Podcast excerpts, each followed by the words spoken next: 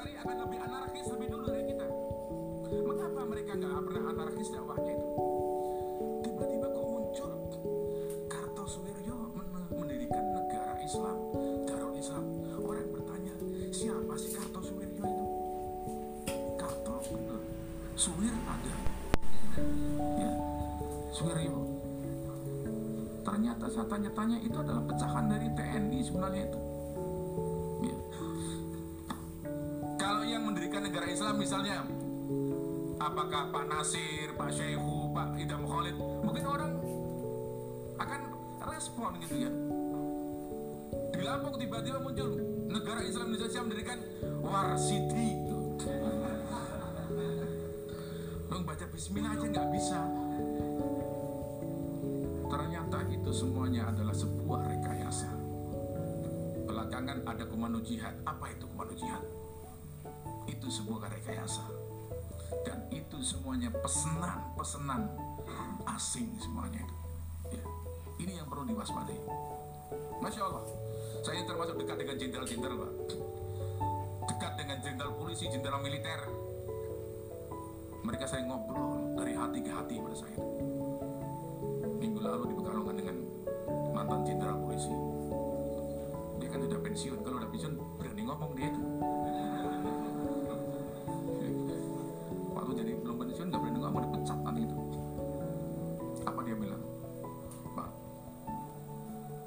Agen Amerika itu di semua lini ada di Indonesia. Anda jangan kira kalau yang namanya agen Amerika itu adalah orang yang berkulit putih tidak ya. kulitnya sawo mateng rambutnya hitam hidungnya pesek itu di semua lini di pemerintahan sampai masuk partai sampai di kabinet di DPR kata jenderal polisi itu ada semuanya sini juga ada gitu. ya. Ya, itu. Ini yang saya katakan ini membahayakan NKRI ya. Atau membahayakan PBNU lah gitu. Nah sekarang kan ada sebutan kan ya apa empat pilar kebangsaan itu kan. Itu kan PBNU itu. Pancasila, Bhinneka Tunggal Ika, NKRI dan Undang-Undang Dasar 45. Jadi kalau kita kepingin utuh pegang terus PBNU itu.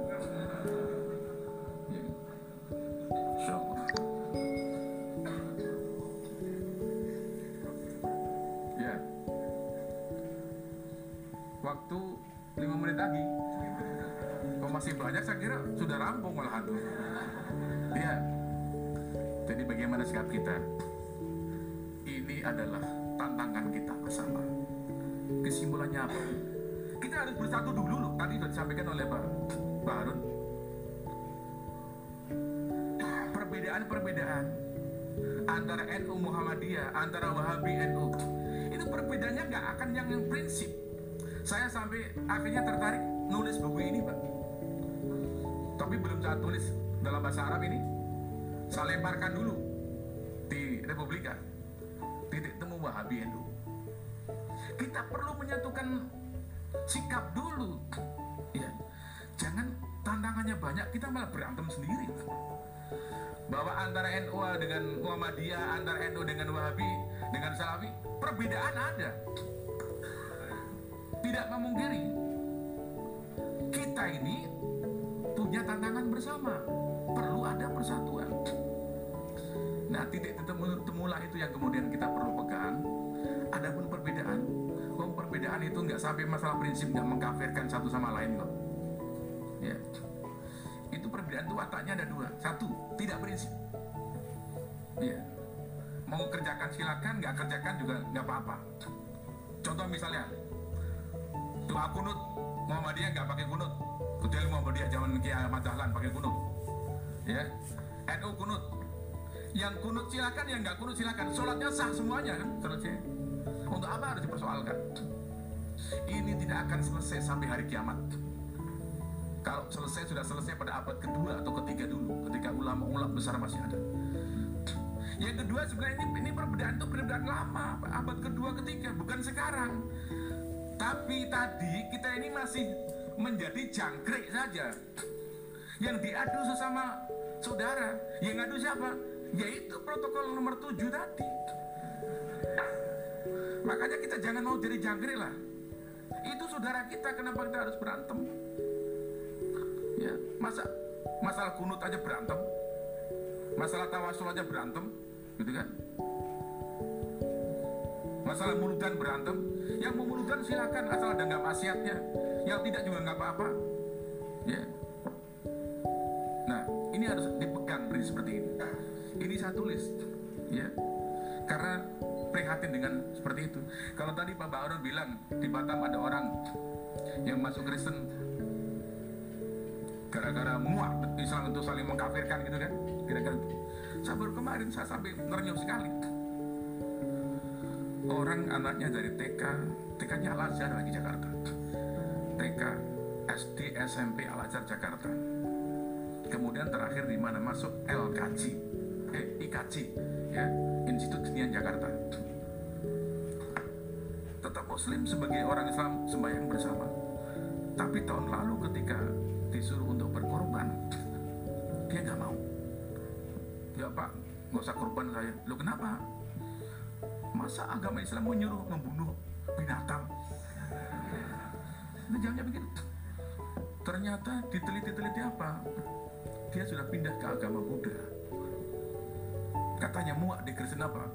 Di Islam itu hanya yang ada halal dengan halal haram. Haram haram. Tiap ustadz mengatakan ini haram ini haram ini haram. Ustadz lain ini haram ini haram ini haram. Saya nyaman di agama Buddha pak. Coba minta doa bagaimana supaya bisa kembali lagi ke beragama muslim nah ini cobalah. Kita ini jangan pendekatan hukum dulu lah makanya betul tadi saya dikatakan oleh Pak Barun wali sembilan wali songo dulu itu ya mengislamkan orang-orang kafir. Wali songo wali sembilan dengan pendekatan-pendekatan persuasif. Sekarang bukan wali songo bukan wali sembilan wali sempalan sekarang. Kerjanya apa? Mengkafirkan orang Islam. Sedih kita itu. Ya. Ya ini sudah muncul dakwah itu mengajak bukan mengejek. Dakwah itu merangkul bukan memukul dan lain sebagainya. Itu dan saya terakhir apresiasi dengan ya Bung Karno zaman gini lagi jadi kadang-kadang orang itu kalau mungkin ya ngefan itu sampai lagu suaranya pun diikuti gitu suara itu tapi itu urusan masalah seni gitu tapi yang saya, ter saya tertarik pidato-pidato Bung Karno seperti itu tuh itu sangat bermanfaat sekarang untuk dimunculkan kembali. Itu justru untuk menggebuk orang-orang yang anti Islam ternyata ternyata Bung Karno semuanya itu diwarnai oleh Islam.